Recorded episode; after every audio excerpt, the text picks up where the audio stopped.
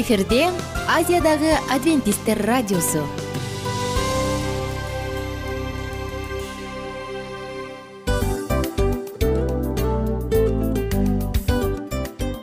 Достор салют.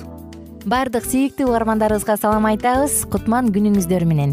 Ден соолук өмүрдүн булагы демекчи саламат саамы программасында баарыңыздарды көргөнүбүзгө абдан кубанычтабыз. Анда алгач амандашып өтөлү арбаңыздар деп. Ден соолугуңуздар кандай элибизде көбүнчө ден соолук кандай дегенде эле жакшы деп жооп беребиз э? ооруп турсак дагы жакшы дейбиз. Анан мен муну айтып ойлойт элем бул абдан сонун сөз депчи анткени бул жакшы деген үмүт да ооба баары жакшы болот. Баары сонун.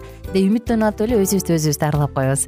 Анысы кандай? Сиздин дагы ден соолугуңуз жакшы беш деген үмүттөбүз чындыгында ден соолук бул өмүрдүн булагы деп бекеринен айтылган эмес деп ойлойм. Кыргыз элинде анткени эгерде ден соолук жок болсо анда адамдын жашоосунда калган баардык керектүү маңыздуу нерселер өзүнүн баалуулугун жоготуп коет. Ошондуктан ден соолук бул эң керектүү нерсе. Ооба туура айтасың кесиптешим. Чынында ден соолугуң жок бир эки үч күн ооруп калсаң эле э кандай болуп калат? Жашоодо көз каранды болуп каласың көп нерсеге жетишпей каласың көп нерсени кыла албай каласың жада калса эшикке дүкөнгө да чыга албай каласың. Туптуура анан ден соолук болсо демек биз биздин бактыбыз тотой деп койсок болот. Анда достор саламат саамы рубрикабызды баштайлы. Алдыда өзүңүзгө керектүү болгон сонун кеңештерди уга аласыздар. Мына ошондуктан биз менен бирге болуңуздар. Ал эми биз болсо милан жана айнура. Кеттик алга. Алга саламат саама ден соолуктун жарчысы. Саламат саама ден соолуктун ачкычы. Күн сайын сиз үчүн мыкты кеңештер сонун жаңылыктар кызыктуу фактылар. Биздин рубрикада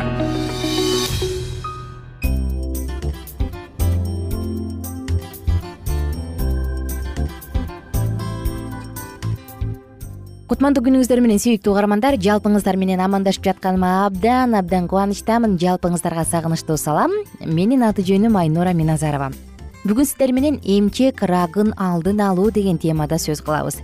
Тыңдап жатканыңыз саламат саамы рубрикасы. Албетте сиздин ден соолугуңузга сиздин бактылуу жашашыңызга кам көрүүчү рубрика. Достор бүгүнкү тема жөн гана бош сөздөр эмес анткени бул эмчек рагы деп жогоруда айткандай коркунучтуу оорулардын бири жөнүндө сөз кылабыз. Баардык онкологиялык оорулардын арасынан дал ушул эмчек рак оорусу биринчи орунду ээлейт бүткүл дүйнөлүк саламаттыкты сактоо уюмунун айтымы боюнча он аялдан үчөө кырк беш жаштан кичүү ооруп калгандардын арасынан жыл сайын миллиондогон айымдар дал ушундай диагноз менен доктурга кайрылышат. Кандай гана парадоксалдуу болбосун бирок төштүн рак оорусу мырзаларда дагы кездешет. Мисалы токсон тогуз оорулуу аялга бир мырза туш келет. Албетте достор баардык нерсени эрте кезинде билген билингени жакшы. Ал эми эмчек оорусунун эмчек рак оорусунун эртеңки эрте башталкы стадияларында биле турган болсо анда токсон пайыз учурда аны толугу менен айыктырууга мүмкүн. Эмне себептен дал ушул эле төштүн рагы? Анткени аялдын организминин бүт ар бир мүчөсүндө дал ушул эмчектеги клеткалардай рак оорусуна бат тез чалдыга турган клеткалар жок. Анткени эмчекте сүт без клеткалары бар эмеспи. Достор бүгүнкү алдыгы учурларда биз ооруга оорунун курмандыгы болуп калбаш үчүн ооруга кандай мамиле кылыш керек? Мына ушул жөнүндө жашоого маанилүү сонун кеңештердин баардыгын айтып беребиз. Ошондуктан жыштыктан башка жака секирбеңиз башка жыштыкка которулбаңыз биз менен бирге болуңуз. Тилекке каршы төштүн рак оорусу эң алгачкы учурларында симптомсуз өтөт. Ал оорутпайт эч кандай белги байкалбайт. Үчүнчү төртүнчү стадияларына чейин аны байкоо өтө эле кыйындыкка турат. Үчүнчү төртүнчү стадияларына гана келгенде тилекке каршы ал оорунун симптомдору байкала баштайт. Бирок бул учурда толук айыгуу бир топ кыйынчылык жаратат. Ошентсе дагы достор сиздер менен дагы айта кетели эгерде сиз өзүңүздүн ден соолугуңузга өтө эле сергек карай турган болсоңуз анда сөзсүз түрдө анын алгачкы стадияларында же алгачкы белгилерин байкап кала аласыз. Бул эмчектин катышы же болбосо эмчекте шишка шишиктин пайда болушу мейли ал кичинекей эле болобу кандай гана болбосун дөмпөктүн байкап дөмпөктү байкап калсаңыз демек сөзсүз түрдө доктурду көздөй жөнөңүз же болбосо төштүн размери көлөмү төштүн формасынын өзгөрүп калышы бул дагы коркунуч туудурат ошондой эле эмчектин учунун өңү өзгөрүп баштаса териси өзгөрүп баштаса абайлаш керек. Ошол жерден кандай гана болбосун кандайдыр бир консистенция суюктук бөлүнүп чыга баштаса анда эч нерсеге карабастан доктурду көздөй жүрүңүз оорунун алдын алыш үчүн деги эле ооруну андан ары күчөтүп жибербеш үчүн ай сайын көз күнүн алдында өзүңүздү өзүңүз осмотрдан өткөрүп туруңуз. Бир сыйра карап туруңуз. Өзгөчө айымдарга айта кетели бул айыздын учурунда караганыңыз жакшы. Мисалы айызга чейин бир жума жана айыз учурунда жана айыздан кийин дагы карап коюп турганыңыз жакшы. Колдоруңузду өйдө карай көтөрүңүз ал үчүн анан э, төшүңүздү аябай кунт коюу менен карап чыгыңыз манжаларыңыз менен бир сыйра баскылап чыгыңыз. Мисалы сол сол колуңуз менен оң төшүңүздү сол оң оң колуңуз менен сол төшүңүздү карап чыгыңыз. Эгерде кандайдыр бир коркутуучу симптомдорду байкасаңыз коркунучтуу анда сөзсүз түрдө доктурду көздөй жөнөңүз. Достор рактын кандай агрессивдүү экенинен дагы көз каранды дечи? Бирок ошентсе дагы аял заты бир нече айдан бир нече он жылдарга чейин ооруп калышы ыктымал. Анан рак оорусу күчөп кете турган болсо ал өпкөгө боорго сөөккө жана баш мээге дагы метастаз берет. Коркунучтуу ошондуктан өзүңүздүн ден соолугуңузга өтө эле кунт коюп караңыз. Эмне себептен мындай оору пайда болот? Биринчи эле кезекте биз бул ген жөнүндө айталы гендик мутация жөнүндө. Э, бул беш пайыз. Эгер окумуштуулардын айтымына ишене турган болсок анда ооругандардын беш пайыз учуру ген куугандыктан же болбосо тукум куугандыктан улам пайда болот экен. Ал эми экинчи кезекте бул гормондор сөзсүз түрдө мындай ооруга алып келиши ыктымал. Анткени гормоналдык терапия баягы менопауза учурунда кандайдыр бир эстроген прогестерондордун айкалышы рак оорусун туудурат эгерде адам ар кандай контрацепттерди кабыл алган болсо баягы бойдо болтурбаш үчүн сактаныш үчүн анда бул дагы сөзсүз түрдө менопауза учурунда же болбосо климакс деп коет эмеспизби ошол учурда эмчектин рак оорусуна алып келиши ыктымал. Дагы бир белгилүү факторлордун бири эмне себептен аял затында эмчек рак оорусу пайда болот десек бул алкоголду ашыкча пайдалануу. Мейли ал кичинекей эле дозада болобу көп дозада болобу бирок күнүнө он эле грамм алкоголь. Бул бир жарым рюмка вино э? Он эле грамм алкоголь иче турган болсо күн сайын анда эмчек рак оорусуна кабылуу коркунучу жети пайызга жогорулайт. Эгерде айым отуз бештен кырк төрт граммга чейин күнүнө ичип кое турган болсо анда рак оорусуна чалдыгуу коркунучу отуз эки пайызга жогорулайт экен. Эң эле маанилүү темалардын бири ошондуктан биз саатыбызды саатыбызда бул бир нече мүнөттөрдө маанилүү темалардын баардыгын маалыматтын баардыгын айтып жетишпей калдык. Алдыңкы күндөрдө кийинки уктурууда сөзсүз улантабыз. Кандай коркунучтар бар жана аларды кантип алдын алса болот ал эми сизге айтарыбыз достор сиздин ден соолугуңуз сиздин байлыгыңыз. Сиздин ден соолугуңузду эч бир алкоголь мейли ал канчалык шаңдуу кече болобу канчалык көңүл ачуучу кече болобу ал жерден ичилген алкоголь. Эч бир таблетка эч нерсе сизге ден соолукту белек кылып бере албайт. Ошондуктан колуңузда бар бар алтынды сактаңыз биздин кеңешибиз жана оорубаңыздар. Сиздер менен кийинки уктурууларда сөзсүз түрдө үн алышабыз биз менен бирге болуңуздар саламат саама ден соолуктун жарчысы. Саламат саама ден соолуктун ачкычы. Күн сайын сиз үчүн мыкты кеңештер сонун жаңылыктар кызыктуу фактылар биздин рубрикада. Салют замандаштар баарыңыздарга ысык салам. Дил маек программабызга кош келиңиздер. Дил маек рубрикасы дегенде эле бул эмне болгон дил маек ким менен маектешебиз деп сурайт болуш керек угармандарыбыз бул рубриканы кыскача тааныштыра кете турган болсок ар тарап кесип ээлеринен болгон сонун интервью кеңештер бар. Ооба. Жылдыздар менен болгон маек бар. Аталарыбыздын агаларыбыздын чоң аталарыбыздан сонун кеңештер бар. Ошондой эле эже сиңдилердин кеңештери бар. Айтор баардык кызыктардын баары алдыда негизи эле адам баласы бир кимдир бирөөнө ишенип сырын ачкысы келет эмеспи э? Мындай баарлашууга жакын келебиз го. Албетте. Негизи бир жерге отуруп алып кенен шашпай баягы жүрөктөн жүрөккө ачып сырларыбызды ар кандай көйгөйлөрүбүз менен бөлүшүп баягы чын жүрөктөн маек курганды кимибиз сүйбөйбүз э? Ооба десең ал нерсеге суусап да келебиз да. Ооба кээ бирде адамга чындыгында баягы э, ысык маек баягы жылуу маек жетишпейт да ошондуктан биз ушул рубриканы ойлоп тапканыбызда эң биринчи эле достор сиздер менен чын жүрөктөн бир маңыздуу темаларды козгоп кеткени э, кааладык. Ошондуктан ушундай сонун бир рубриканы тартуулап жатабыз. Анын үстүнө радио дагы сонун дос да анткени э, мындай учурда досуңа айтсаң досуң досуна айтат досу досуна айтат да анан бүт өлкө билип калышы мүмкүн го. А радио болсо сени сатпаган сенин айыбыңды ачпаган сенин сырыңды эч кимге айтпаган сонун досу мына ошондуктан биздин алдыдагы айта турган кеңештерибизди биздин досторубуздун кеңештерин угуп анан ал жака пикириңизди дагы калтырып кайрадан биз менен байланышсаңыздар болот. Деги эле жашооңузга эгерде кичине болсо дагы өзгөрүү алып моралдык жактан нравовалык жактан сонун бир кеңештерди алсаңыз демек биз максатыбызга жеттик. Ооба.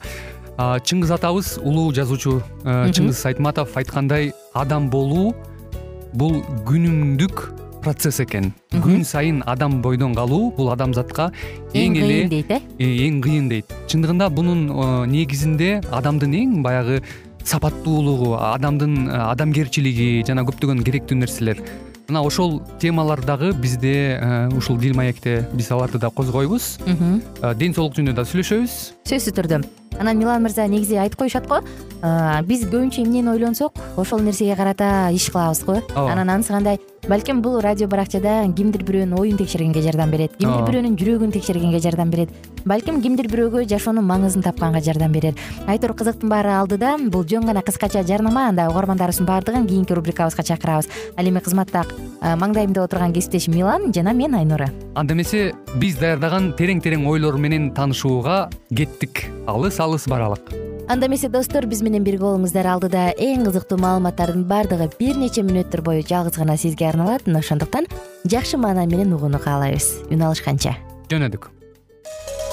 Ар түрдүү ардактуу кесип ээлеринен алтын сөздөр жүрөк ачышкан сыр чачышкан сонун маек дил маек рубрикасында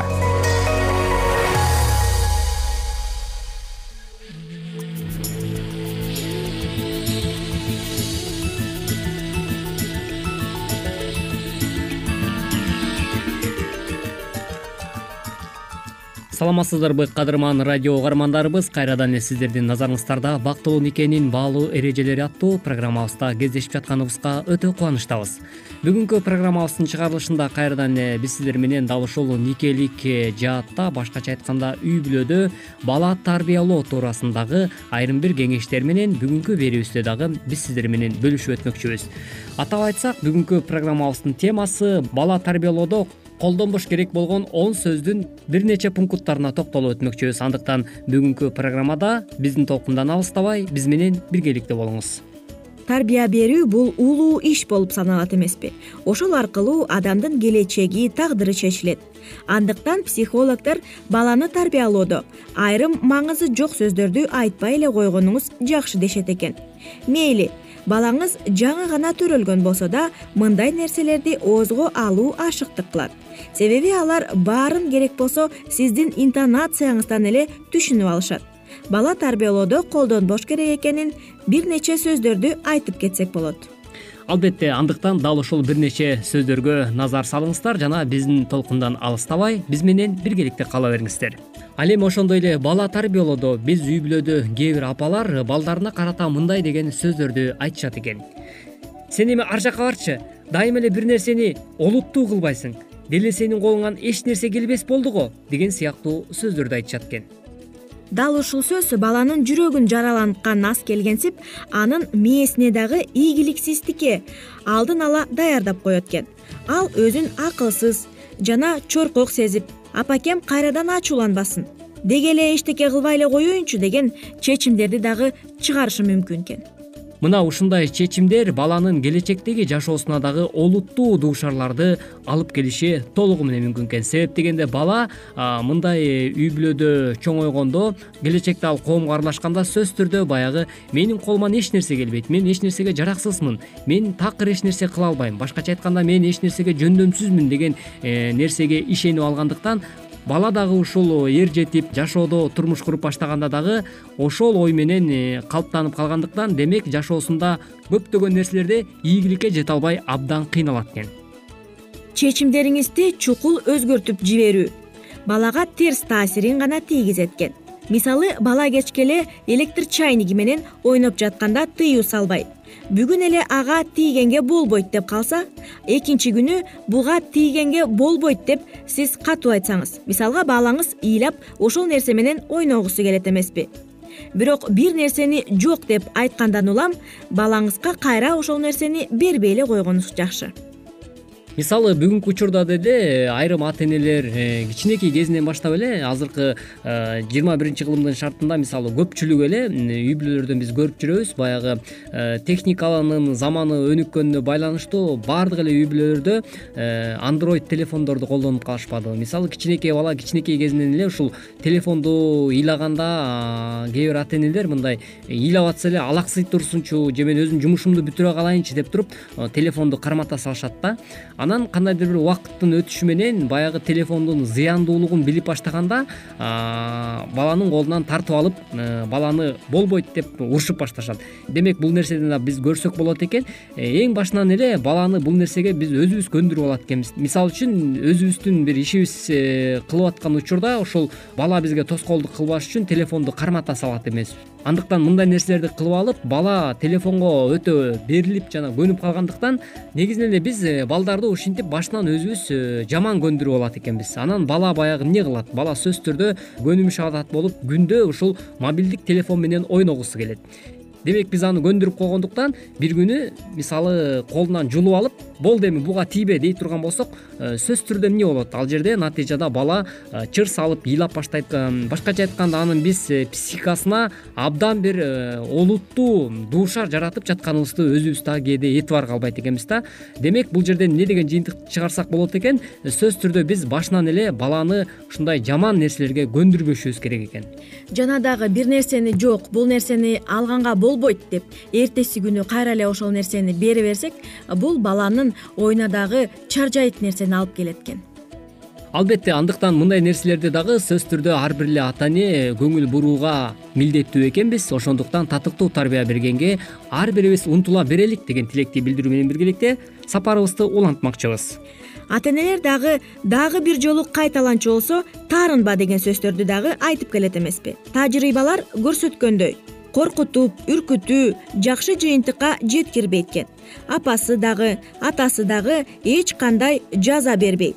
А бала болсо корккон абалда калат экен. Аталган сөз балага таарыныч гана алып келет. Андыктан балаңызды коркуунун ордуна ага кайсы учурда кандай жаза күтүп турарын үйрөтүңүз. Мына ушундай ыкмаларды колдонуу аркылуу дагы сиз өзүңүздүн чүрпөңүздү туура тарбиялаганга дале болсо бир кадамдарды жасаган болот экенсиз андыктан мына ушундай эрежелерди колдонуу аркылуу дайыма жашооңуздарда жакшы кеңештерге ээ боло бериңиздер деген тилегибизди билдирип кеткибиз келет. Кийинки сөз болсо мен сага токтот деп жатам деп көпчүлүк учурда ата энелер кыйкырат эмеспи. Балага дароо минтип айтууга болбойт. Ал сиздин балаңыз да эгер кыйкырып алган болсоңуз жакшысы кечирим сураңыз анткени бала өзүн эч нерсеге укуксуз сезип таарынып калат. Ошол эле учурда басылуунун ордуна жаш балдар ыйлап ого бетер чыркоолонуп ал эми чоңоюп калган балдар үн катпастан кетип калышат да түнт боло башташат экен. Кыскасы жогорудагы одоно сөз каалаган жыйынтыкка алып келбейт экен мындай балдар сөзсүз түрдө келечекте коомчулукта өзлөрүнүн ордун табуусу дагы абдан кыйын болот эмеспи. Андыктан бул жаатты эске алуу менен биргеликте ардактуу ата энелер ар дайым биз өзүбүздүн чүрпөлөрүбүзгө кандай тарбия берип жатабыз? Ушул туурасында ойлонуу абдан зарыл эмеспи. Бир акылман мындай деп айтыптыр. Балдар эч качан чоң болгон эмес экен бирок биз ата энелер бала болгонбуз да ошол нерсени унутпайлы сөзсүз түрдө ар бирибиз эле бала чагыбызды эстеп балалык кезде кандай болгонбуз ошол учурда дагы өзүбүздү балдарыбыздын ордуна кое билүүбүз дагы абдан маанилүү болуп саналат экен. Ал эми ардактуу радио кугармандар ушуну менен бизге бөлүнгөн убактыбыз дагы өз соңуна келип жетти. Бүгүнкү программабыздын чыгарылышында сиздер дал ушул никелик жашоодо бала тарбиялоо жаатындагы бир нече кеңештерге назар сала алдыңыздар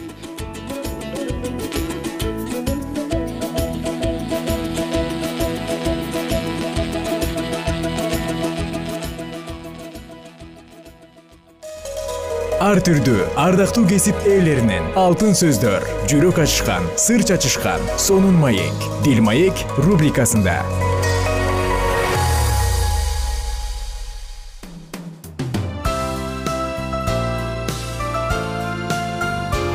Эфирде азиядагы адвентисттер радиосу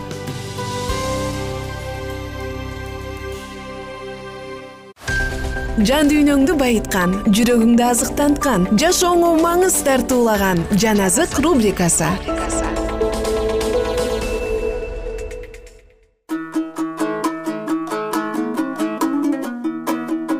Саламатсыздарбы айымдар жана мырзалар жалпы кыргыз элибизге салам айтабыз дагы.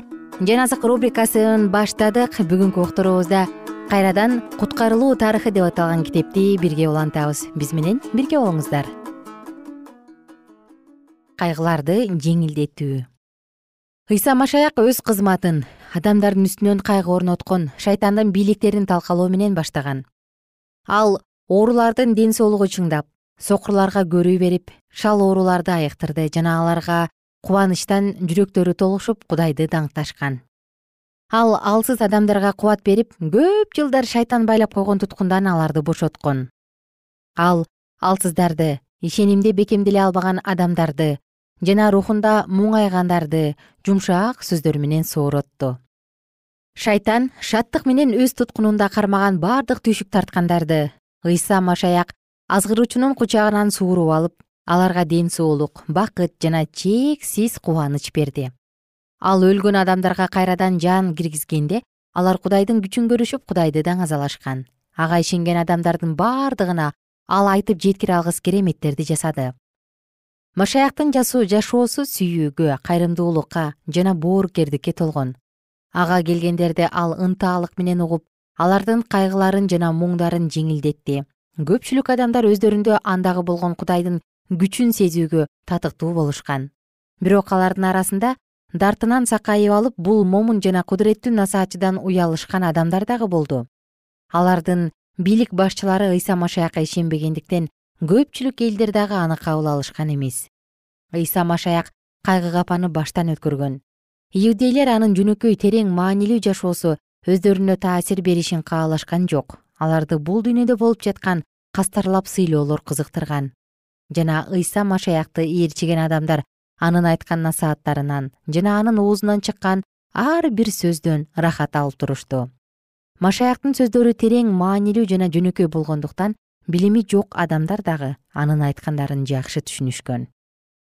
Натыйжасыз каршы чыгуулар.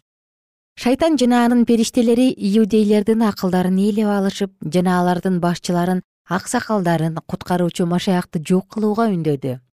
Дин кызматчылар кеңешишип машаякты кармап келүүгө адамдарды жиберишет. Бирок алар кармоо үчүн ыйса машаяк турган жерге келишкенде алар таң калышты анткени машаяктын адамдардын кайгысына ортоктош болуп алардын капасын баскан сүйүүсүн көрүшкөн. Алсыз жана бактысыз адамдарга анын айткан сооротуучу сүйүү менен чыккан сөздөрүн алар угушту. Жана ал кандай күчтүү сөздөр менен шайтандын байлап койгон адамдарын кулдуктан эркиндикке чыгарып жаткандыгына байкоо салышат. Алар ыйса машаяктын оозунан чыккан даанышмандык сөздөрдү угушуп өздөрү дагы ал сөздөргө муюшкан. Жана алар аксакалдар менен дин кызматчыларга ыйсаны кармабастан кайтып келишти. Силер эмнеге аны бул жерге алып келген жоксуңар? деп сурашканда алар көргөн кереметтерин уккан сүйүүгө толгон даанышман сөздөрүн айтышып мындай дешет. Бул адамдай болуп эч качан адамдар сүйлөгөн эмес дин кызматчылар болсо силер дагы анын алдоосуна кирип кетиптирсиңер жана аны кармап келбегениңер менен бизди уятка калтырдыңар деп айыпташты. Дин кызматчылар мыскылга алышып башчылардын дагы кимиси ага ишенип калды болду экен дешет. Бийлик башындагылардын аксакалдардын көбү ыйса машаякка ишенишкен бирок алар өз ишенимдерин сыртка чыгарышпай ал жөнүндө айтышпасын деп шайтан аларды кармап турду.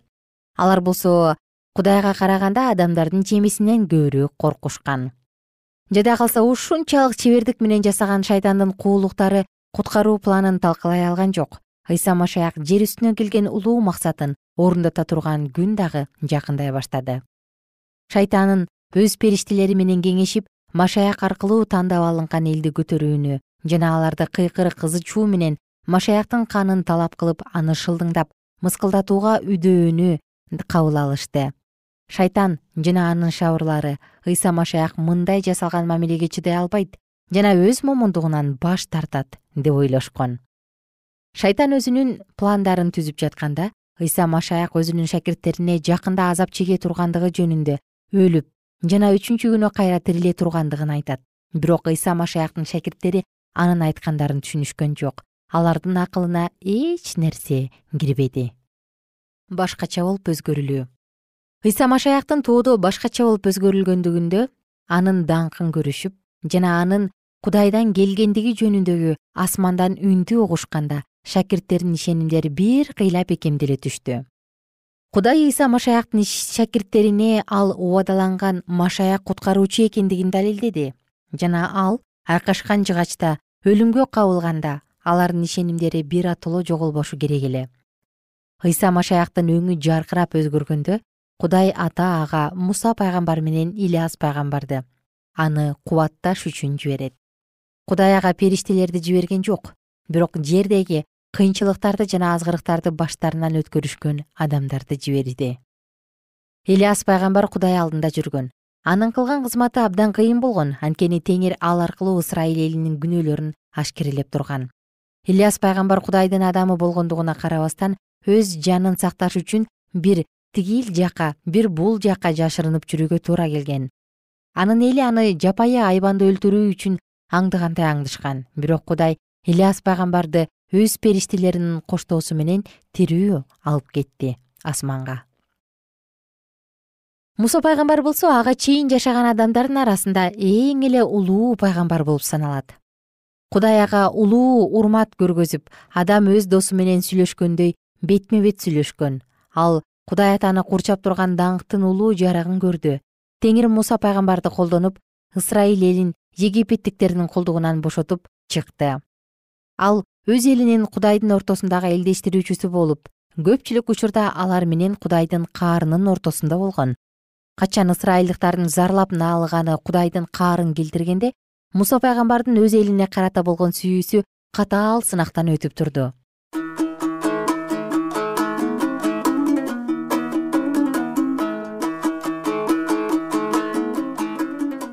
Достор сиздер менен дал ушул жерден токтотобуз дагы. Кийинки уктурууда саатыбызды улантабыз убактыбыз өтө аз ошондуктан ченеп ченеп бир аз гана үзүндүлөрдү бирге тыңдайбыз. Күнүңүздөр көңүлдүү улансын жана жалпыңыздар менен кайрадан амандашканча сак саламатта туруңуздар